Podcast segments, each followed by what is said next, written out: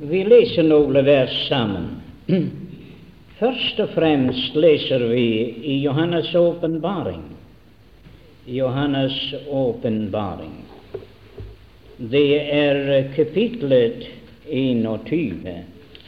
Vi leser fra kapitlet 21.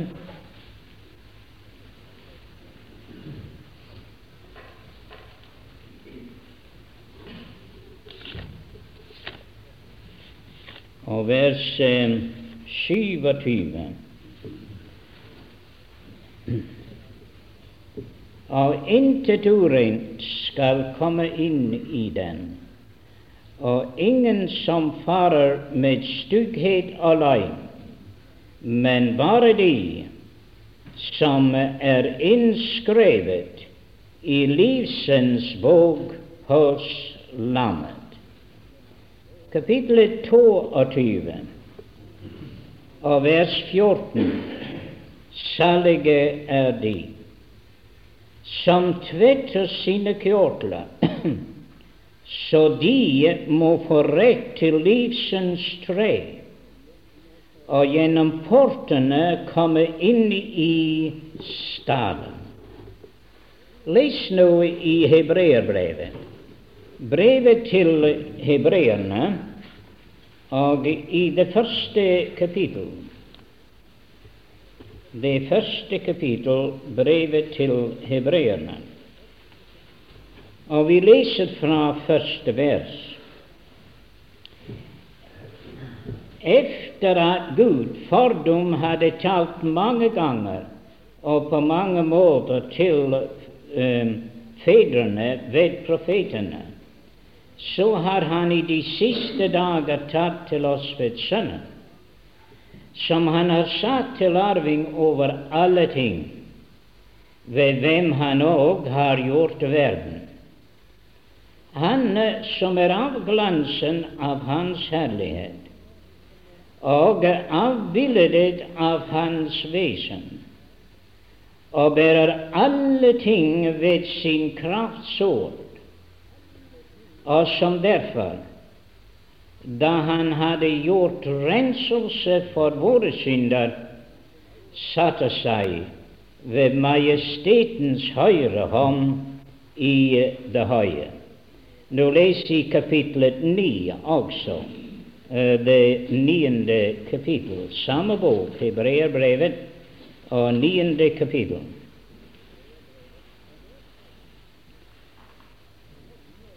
Og vær selve. Men da Kristus kom som ypperste prest for eh, de kommende goder, gikk han igjennom det større og fullkomnere telt, som ikke er gjort med hender, det er som ikke er av denne skapning. Og ikke med blod av bukker og kalver, men med sitt eget blod en gang inn i helligdommen og fant en evig forløsning. For så sant blodet av bukker og okser og asken av en kvie, når den sprenges på det urene, helliger til kjødets renhet. Hvor meget mere skal da Kristi blod, Han som ved en evig ånd bar seg selv frem som et ulastelig offer for Gud, rense edes samvittighet fra døde gjerninger til å tjene den levende Gud. Også i kapitlet ti kan vi lese noen vers. Vers 9 så har han derfor sagt, se, jeg kommer for å gjøre din vilje. Han tar det første bort for å innsette det andre, og ved denne vilje er vi helliget. Helliget ved ofringen av Jesu Kristi legeme en gang for alle. Og hver prest står daglig og gjør tjeneste bærer mange ganger frem de samme offer som dog aldri kan bortta synden. Men han har frembåret et, offer for synder, og har derfor for all tid satt seg ved Guds høyre hånd. Og nå venter han bare på at hans fiender skal legges til skammel for hans føtter. For med ett offer har han for alltid gjort dem fullkommen som bliver hellige. Nå Vi vil lese et par vers videre. Til eksempel, vi kan lese i um,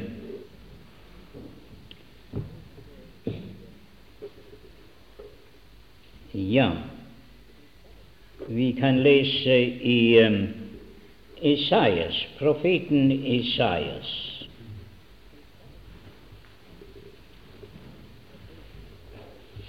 I det første kapittel, profeten Isaias, og vi kan lese fra vers 16. Tvett renseder.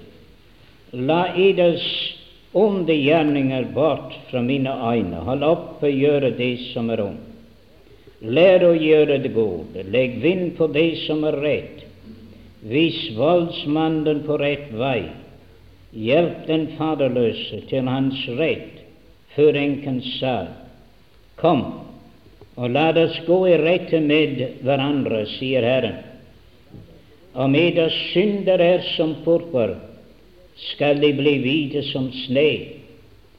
Om de er røde som skarlagen, skal de bli som den hvite ull. Er de villige å høre? skal de ete landets gode ting, men er de uvillige og genstridige, skal de bli oppgitt av sverdet, for Herrens navn munn har tatt.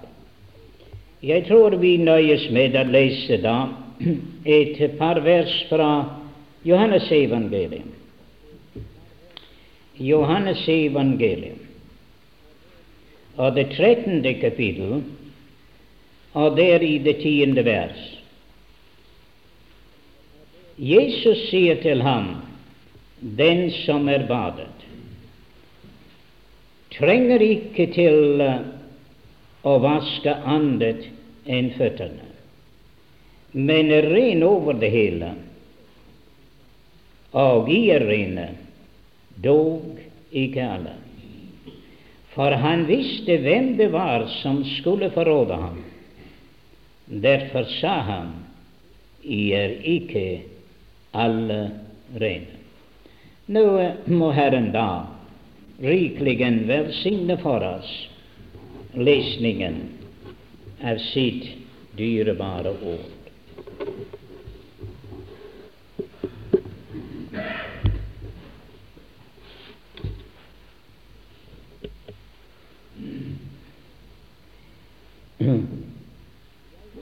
de aftener som vi har vært sammen. Jeg tror at den tanke det har vært for oss, har vært de grunde sannheter i evangeliet. Og det har vært vår oppgave å vise at evangeliet møter menneskets behov.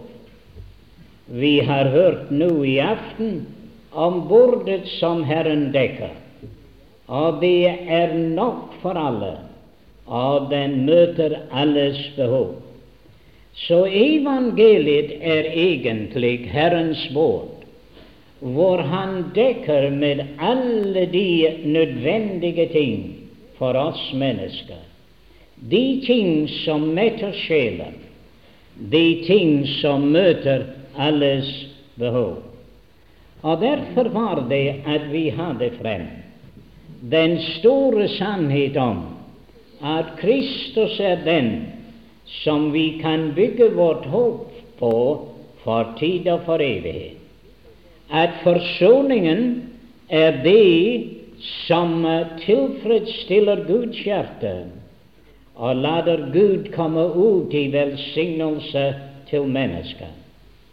At forsoningen er grunnlag på hvilken Gud vi mennesker kan bli forlikt med Gud, og at budskapet kan komme ut til mennesket la dere forlikes med Gud. Og så er det at det var jo syndespørsmål som hadde så stor betydning for oss alle sammen, fordi vi var alle sammen syndere. Men da fant vi at Gud er forlatelsens Gud. Han er en Gud der kan tilgive. Han er en Gud som utsletter alle våre synder. Nå vi sa at dette også var på forsoningens grunnlag. Det store gjerning på Golgata, at Gud var i stand til å utslette alle dine og mine synder. Men vi kunne ikke stå for Gud bare avkledd, med de skitne klær tatt fra oss, som vi sa i Josva. Men vi må blive iført høytidsklær. Vi må være velkledd når vi skal inn for Gud. Gud var meget nøye med hvordan prestene de var iført klær når de skulle inn i Guds nærværelse. Og vet De, mine venner, Gud er nøye med dette, at de som kommer nær til ham, at de er velkledd. En mann trodde han kunne klare å komme til bryllupet i det som han selv hadde kjøpt eller gjort, men det lot seg ikke gjøre. Til den der innbudt til bryllup, han også gav dem den kledning de skulle ha når de kom der.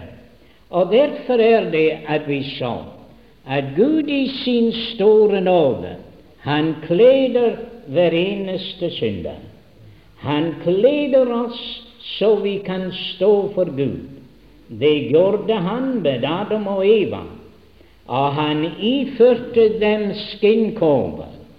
De var tilfreds med fikenblader, men fikenblader kan aldri tilfredsstille Gud.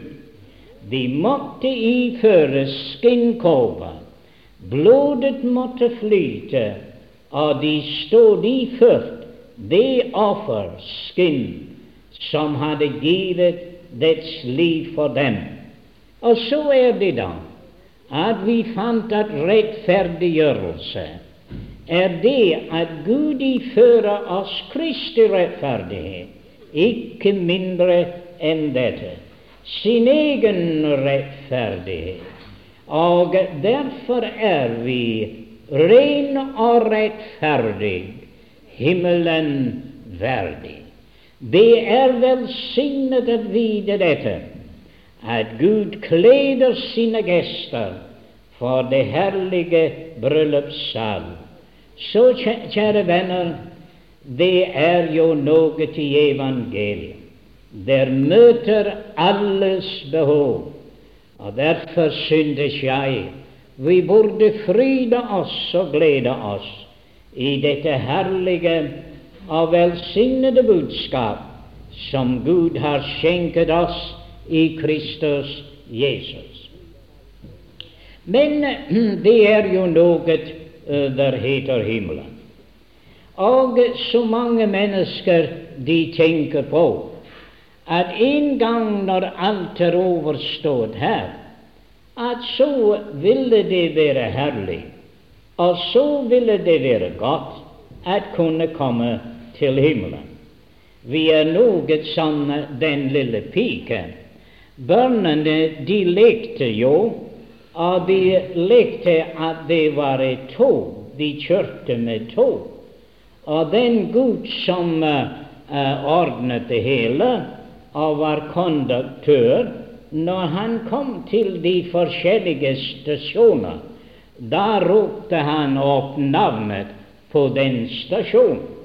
Men hans geografi var ikke så vidtstrekt, så Han ble, hadde snart oppbrukt alle de stasjoner han kunne tenke på. Men så kom han til da han manglet et, eh, en stasjon. Eh, da sa han 'Himmelen', sa han. Og vent, sa en lille pike, 'jeg skal av her'. Ja, selvfølgelig. Vi vil alle sammen av der. Vi ønsker alle sammen en gang å være i himmelen for himmelens gave. Åpenbaring fortelles om dette sted, men den kan ikke fortelle oss hva det er der. Det er jo det merkelige at himmelen er et så herlig sted, og de ting som Herren har beredt for dem der elsker Ham, det kan ikke fortelles. Det var jo det som Paulus var bortrykket til himmelen.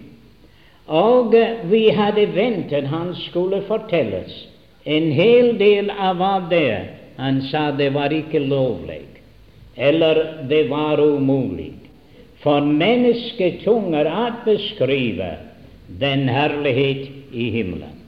Men han forteller oss hva det ikke var der.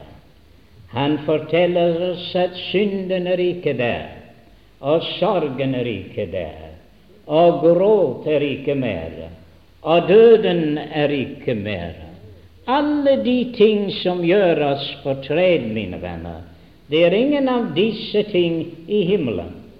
Og saken er jo den om disse ting som er nevnt der, ikke var på jorden, ja, da vil vi synes at jorden var et herlig sted. For det er de ting der gjør oss fortred her. Men tenk at komme til himmelens herlighet, hvor synden og døden og sorgen og alt, alle disse ting, pine og smerte og skuffelser og alt, ingen av disse ting er mer. Så kjære venner, det er et herlig sted, dette sted som heter himmelen. Og da vi leser om det, vi føler et ønske i våre hjerter Gid, jeg var der.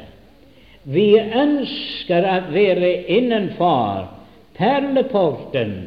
Vi ønsker å være i det himmelske hjem.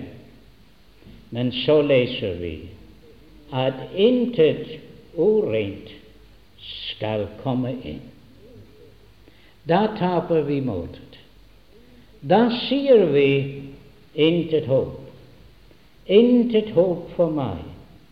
For de fleste av oss er klare over dette, at vi er ikke blant det rene.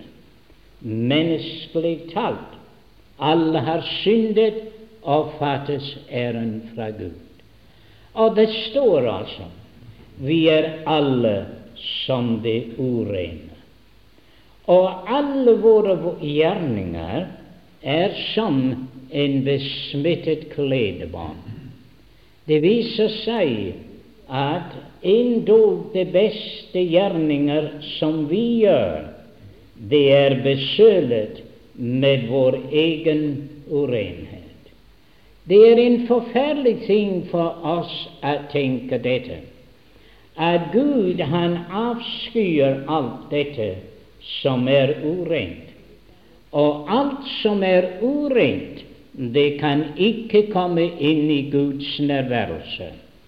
Der var jo to prester, og de opptok deres plass i hans tjeneste. Men det var noe i veien der. De kom med fremmedild, og Abihu og Nadab, de døde for Herrens åsyn. Kjære venner, hvem som helst kan ikke komme inn til Gud. Forstår du at himmelen er en helligdom? Har du tenkt på dette der? Himmelen er Guds helligdom. Og eftersom himmelen er Guds helligdom, det er kun det hellige der kan være der. Nå sier du, så avgiver jeg håp om å være i himmelen. Du behøver ikke, min venn, For det er nettopp det som evangeliet forteller oss, at disse urene folk, disse syndige mennesker, de behøver ikke å oppgive håp om å komme til himmelen. Nå sier du, da var det interessant.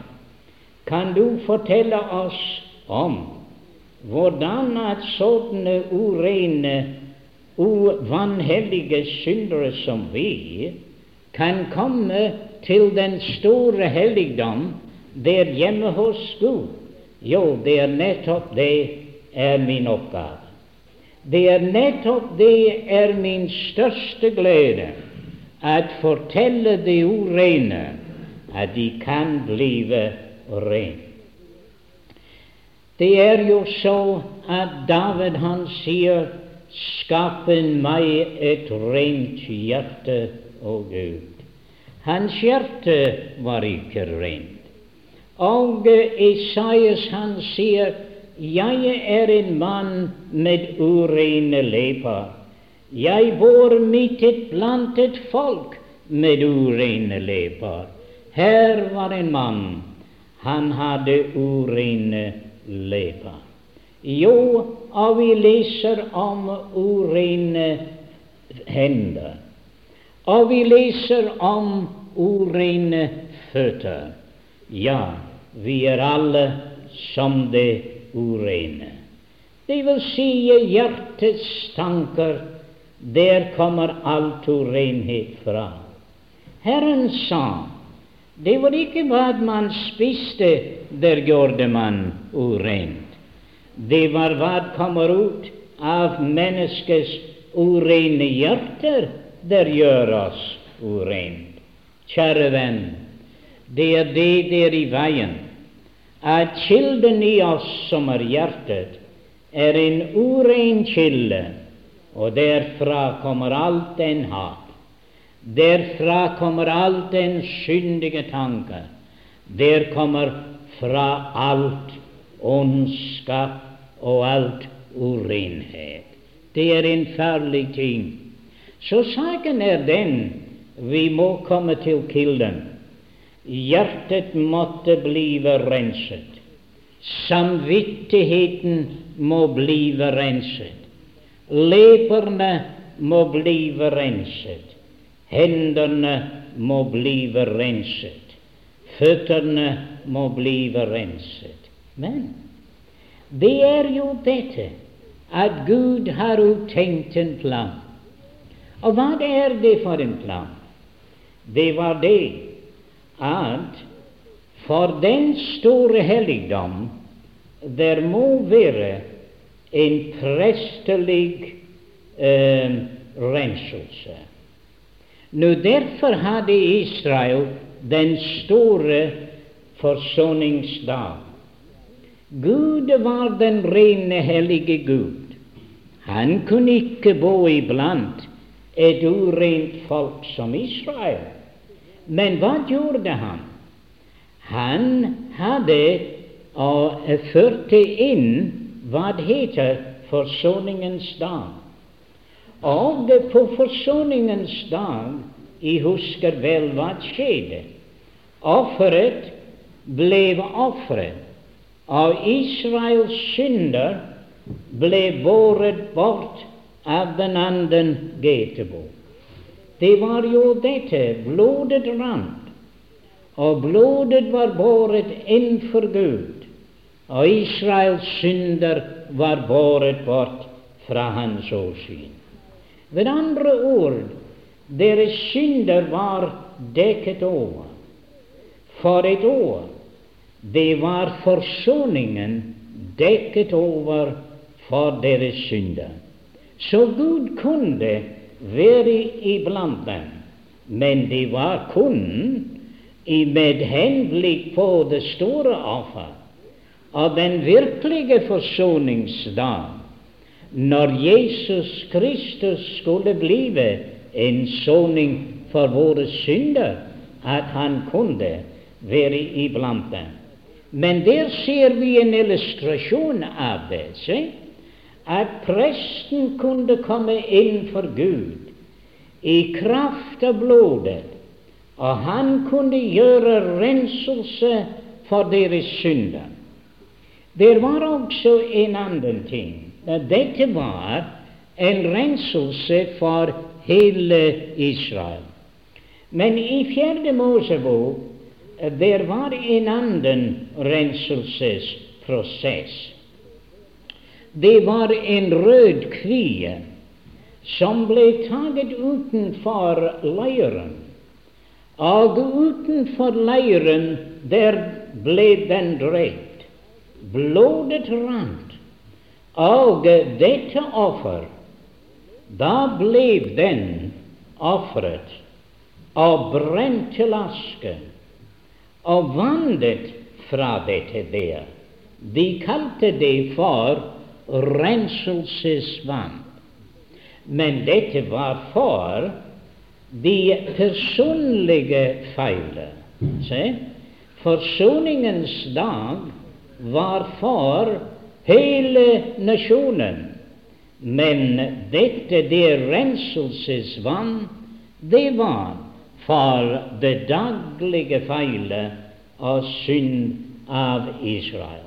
Så i disse to ofringer Gud dekket over hele Israels behov, både nasjonens behov i det hele tatt og helligdommen, og de enkelte personers feiltrinn og synd og urenhet. Alt hadde han tatt i betraktning. Men, kjære venner, når Gud ville, hva skal jeg si, bringe inn den her store renselsesgjerning for det store eh, himmelen og den store helligdom, og for oss mennesker, da må han ha en prest. Å oh, ja, mine venner, vi må ha en prest ja, men hva for en prest skal vi ha? Det må være en stor prest. Det må være en prest av en spesiell slag. Og da er det vi leser i Hebreerbrevet hvordan han så ut. Han som er av glansen av hans vesen, av bildet av hans vesen han som oppholder alle ting ved hans makt, da han gjorde renselse for våre synder. Og her i Hebreerbrevet er den store forsoningsdag. Hvis det ikke var forsoningens dag, det er en feil i det niende kapittel. For i det niende kapittel det står at renselseskar, eller rensel, eh, eh, den kar eh, Røkelsens kar, eller røkelsens alter, i det niende kapittel, det er i den aller helligste. Nå, en som er litt skarp, ville si, det var på det hellige sted i Det gamle testamentet, riktignok. Men på den store forsoningsdag stod den i forbindelse med den aller helligste. For røkelseskar ble fylt fra røkelsesalteret, og den ble båret innenfor det aller helligste. Så røkelsesalteret var satt i forbindelse med det aller helligste, så at blodet var på uh, nådestolen og foran nådestolen, og helligdommen var fylt med røkelse. Og vet De hva dette er? Den store prest som kom for å gjøre en soning for våre synder. Hvem var han? Det var Guds enbårne sønn. Han var ikke en prest på det jordiske måte, for han var ikke av Levis stamme, han var av Judas stamme. Men han var en prest, som hebreerbrevet sier, efter Melkesediks vis. Og Melkesedik er den største prest vi leser om i Det gamle testamentet. Meget større enn Aron, for han er innsatt av Gud som en prest, og han har et evig presteskap. Han var en prest som kunne bringe et fullkomment offer, og kunne fullkommen hellige sitt folk. Og det er dette det er den store lærdom i hebreerbrevet. Les det, mine venner. Studere det, og du vil si, se dette at Jesus Kristus var den fullkomne prest, og som den fullkomne prest han brakte et fullkommen offer. Dette offer var ham selv, og han utgøte det hellige blod, hans eget dyrebare blod. Og, min venn, det står at han kunne fullkomme hellige. Fullkommen hellige. Fullkommen rense dem som han helliga. Og når han hadde båret deres blod inn, inn i selve himmelen Ja, ja, så, mine venner, himmelen er et sted hvor hver eneste renset synder kan komme.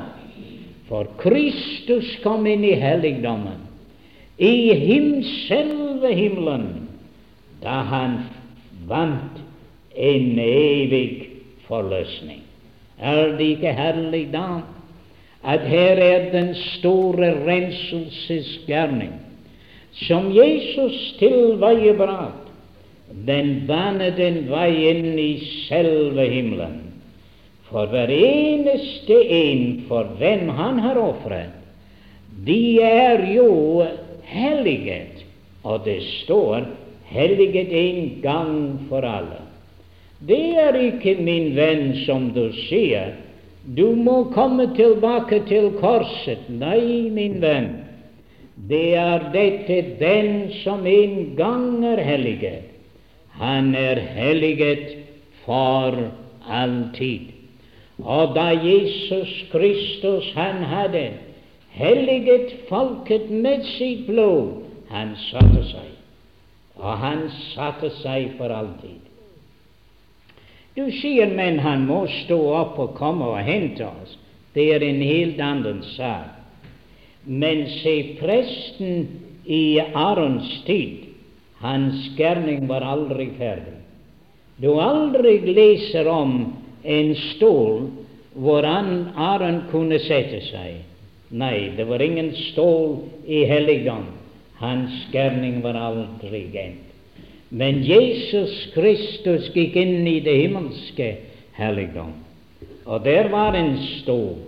Det var nådetronen, Guds trone, og han satte seg der på majestetens høyre hånd i det høye, for å la oss se at Han som ble synd for deg og for meg, at Hans offer var tilstrekkelig, og Gud ga ham den høyeste plass i himmelen, for å lade deg og meg vite at denne gjerning er fullendt.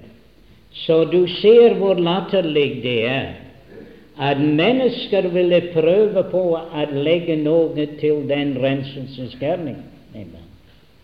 At mennesker vil prøve på å vende om et nytt blad. At mennesker vil prøve på å legge det til side og det til side. Kjære venn, her er en renselse der vil røre mitt i hjertet og gjøre hjertet rent. Her er et renselse vil røre ved dine leper, som det var med Isaias, å gjøre dine leper ren. Her er en renselse, det vil gjøre dine hender ren. Her er en renselse, det vil gjøre dine føtter ren. Her er en renselse som rører ved din samvittighet, og giver deg en ren samvittighet, fordi at Jesus Kristus, han er det store Melkesedek, der brakte et fullkommen renselsesoffer for deg og for meg. Er du villig å ta skrittet, min venn? Er du villig at legge ditt håp for tid og for evighet på det store renselsesgjerning på Golgata? Vil du våge det? Jeg er glad at en gammel broder som vi hadde i Skottland, at han ikke er her. For han ville avbryte meg øyeblikkelig. Han ville si det er ikke noe der heter et vovestykke i forbindelse med det. Nei, mine venner, det er aldeles sikkert, aldeles fullkommen, og der ingen har noe å tape som overlater seg helt og holden til det fullkomne offer på Golgata. Så, min venn, I seek no other argument. I want no other plea. It is enough that Jesus died, and that He died for me. Jeg ønsker ingen annen argument. argument. Jeg ønsker ingen annen forsvar. Det er nok Jesus døde, og at han døde for meg. Det er der hvor vi skal hvile. Her er en renselse som er aldeles fullkommen. Og min venn, det er en renselse der dekker alt. Herren kom for å vaske Peters føtter. Og da han kom, så sier Peter, du skal aldri i evighet vaske mine føtter. Herren sier, om jeg ikke vasker dine føtter, Peter, så har du ikke del med meg. Når du legger merke til, han sa ikke, du har ikke del i meg. Eh? Han sier, du har ikke del med meg. Og derfor var det at Herren sa til Peter da hva jeg gjør nå, forstår du ikke, siden skal du forstå. Men Herren sier disse ord Den som er badet se? Den gang de gikk til et badested, og de badet men på veien hjem ble føttene eh, smutsige. Så når de kom hjem, så må de vaske føttene. Men de behøvde ikke å bade seg over det hele. Det var gjort, ikke sant? Så Herren sier til dem, den som er badet, han behøver ikke annet enn å vaske føttene men er ren over det hele. Og I er rene, men ikke alle. Du sier, hva vil dette si? Det vil jo si dette at han betraktet, betraktet disiplene i det gode av den store renselse på Golgata. Han sier det er et bad hvor man er badet over det hele. Og I er. I er men ikke alle. Han mente Judas var der. Se? Og den som sier at Judas var en kristen og falt fra, de tager veldig feil. For Herren sier han hadde ikke vært badet. Den som hadde vært badet, han var ren over det hele, selv om han fikk snausete føtter.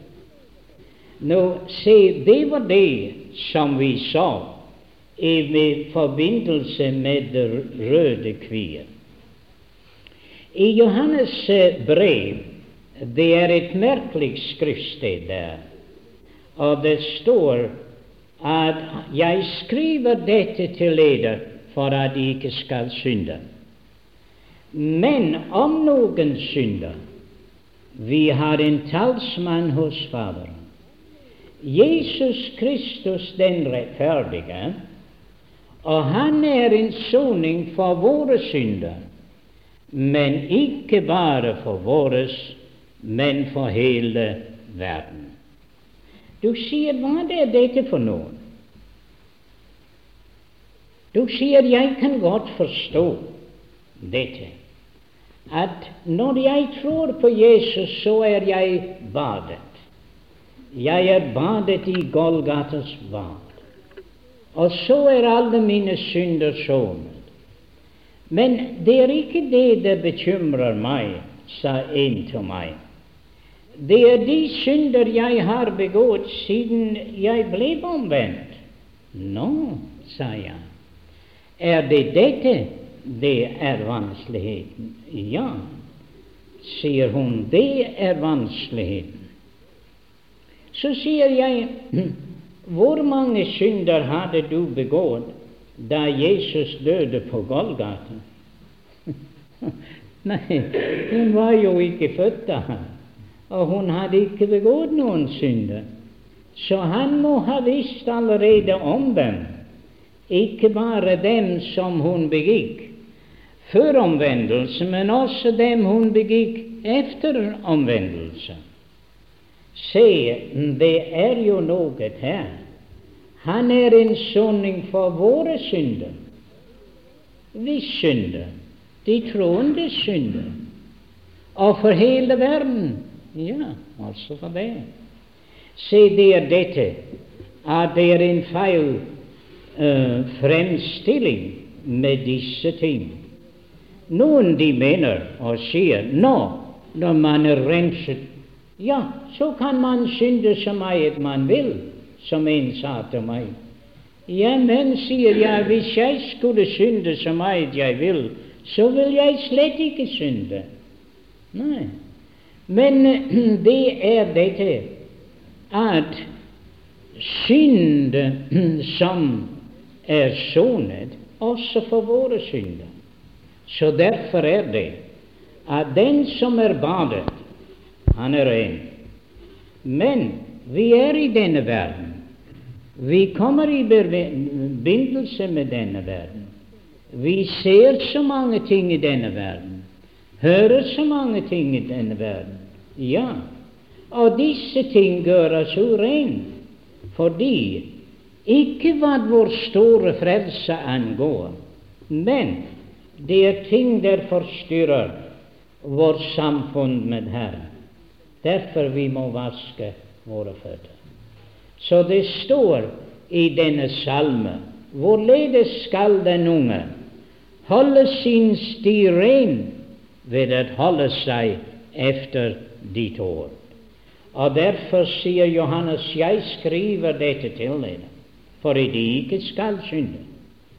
Men skulle det hende at noen synder, så skal jeg si hva? Vi har en talsmann hos Faderen. Det vil si at vi kan komme til Faderen og legge merke til det står ikke en talsmann hos Gud. Nei, nei. Det er den der leser det er en talsmann hos Gud, men det er ikke det. Det er en talsmann hos Faderen. Se, Faderen forhold opphører ikke fordi at en har gjort en eller en annen feil eller synd. Nei, han er ennå min Fader. Om jeg feilet mot min Fader, eller syndet mot min jordiske Fader, Jeg ble fremdeles hans barn, men jeg var i denne tid et ulydig barn. Og det galt for meg å få dette forhold rettet med å bekjenne det for ham, og så er det her. For om vi bekjenner våre synder, da er Han trofast, og Han er rettferdig.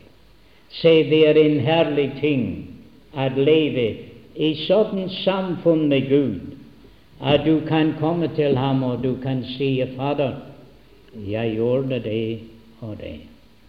Og han er rettferdig, og han vil tilgive oss. Fordi når Kristus døde på Golgata, han tok hele regningen. Men du og jeg vil ikke gjøre ham den sorg at vi vil like frem leve i det gamle liv for det. Nei. Og du skal finne at dem der forstår dette, det er nettopp dem der søker at leve i samfunn med Herren dag for dag, og vende seg fra kjødets gjerninger og følge vår velsignede Frelser og Herre. Se, det dette. Golgata gjelder for de synder før omvendelse, men Golgata gjelder for de synder etter omvendelse. Om vi vil holde vårt samfunn med Faderen, da er det det vi vasker våre føtter. Og vi hjelper hverandre også med det. Og det er jo forskjellige måter. Ja, ja, noen de møter opp med en skurebørste og kokende vann når de skal vaske en broders føtter. Men uh, det er kanskje ikke den beste måten. Men den Herre Jesus, han tok en linnklede, og han knelet ned og han vasket disiplenes føtter. Han sier 'den som er badet'. Han behøver ikke annet enn vaske sine føtter. Og han sier 'vi kommer i berøring med verden', og vi trenger til å holde føttene rene. Jeg har gjort eder rene over det hele. Peter han kunne ikke forstå at Gud kunne gjøre alle disse urene syndere rene. Og han vil ikke gå til Kornelius' hus uten Gud hadde forberedt ham. Og så fikk han en drøm eller et syn.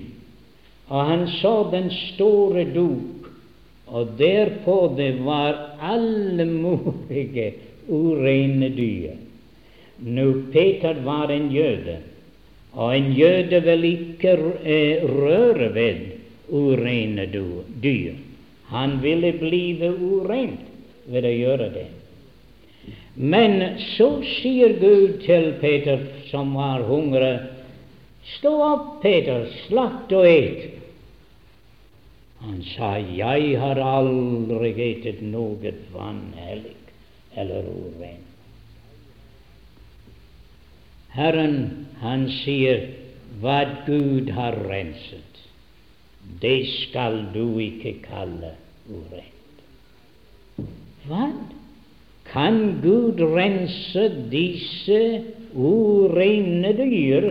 tenkte Peter. Ja. Disse syndige hedninger som en jøde hatet. Ja. Folk som deg og meg, ja, hva Gud har renset. Legg merke til det. Det var Gud der gjorde det. Kjære venn, der er intet menneske kan rense deg, verken med vann eller på noen annen måte. Ti. Gud Jesu Kristi, Hans Sønns blod, renser oss fra all synd. Det er ingen annen måte. Det er forsoningen. Det er den store renselse på Golgata. Og det er Gud der må rense deg. Og lovet være Gud, han vil rense hver eneste synder som kommer. Er det ikke en herlig tekst, den, i Esaias 1 og 18? Om eders synder er som purpur, de skal blive som ull. Hvis de er Jeg uh, glemmer nå. Om eders synder er som purpur, skal de bli hvite som sne. Er det røde som skarlagen, skal det bli som om. Purpur ja, de er oss skarlagen, de er de farver som det ikke er lett å fjerne. Men det er intet umulig for Gud. Og du tenker kanskje du er så stor en synder at Gud kan ikke gjøre noe for deg, kjære venner. Han kan frelse den største synder. Det er ingen som er så uren at Jesu Kristi blod ikke kan rense. En predikant var i en by i England, og det var en mann der som aldri fikk tid til å gå i kirken på en søndag, for han var alltid full om lørdagen og laget ballader så han fikk tilbringe søndagen i fengselet. Men han kom til et møte, og han hørte den predikant fortelle. Og predikanten, han sa den aften om den verste mannen i byen var her i aften. Gud kan frelse ham og rense ham og gjøre ham fri. Predikanten ble forskrekket da møtet var overstått. For en mann kom opp, han sa, 'Står du ved det du sa?'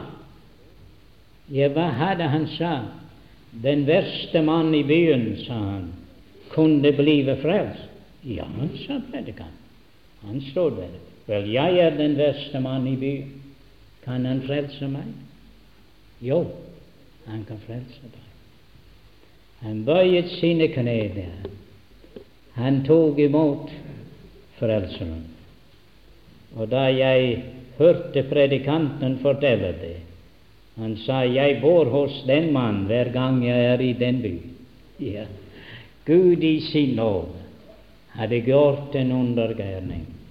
med oss synder er som purpur. Ja, venner, du vet djevelen, han er en bedrager. Han forteller deg du er ikke så stor en synder at du behøver å bli renset og født på ny. Men så kommer han til en annen og sier, men du, du er så stor en synder. Det er ikke noe håp for deg. Men han lyver, venn. Hver behøver rensning i Kristi blod. Og ingen er så stor en synder som han ikke vil ta imot ham.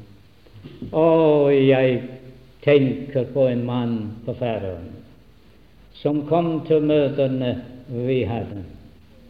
Gud talte til hans hjerte, og han var ute på, på fjellene og så efter fårene. Men han var så overmaktet.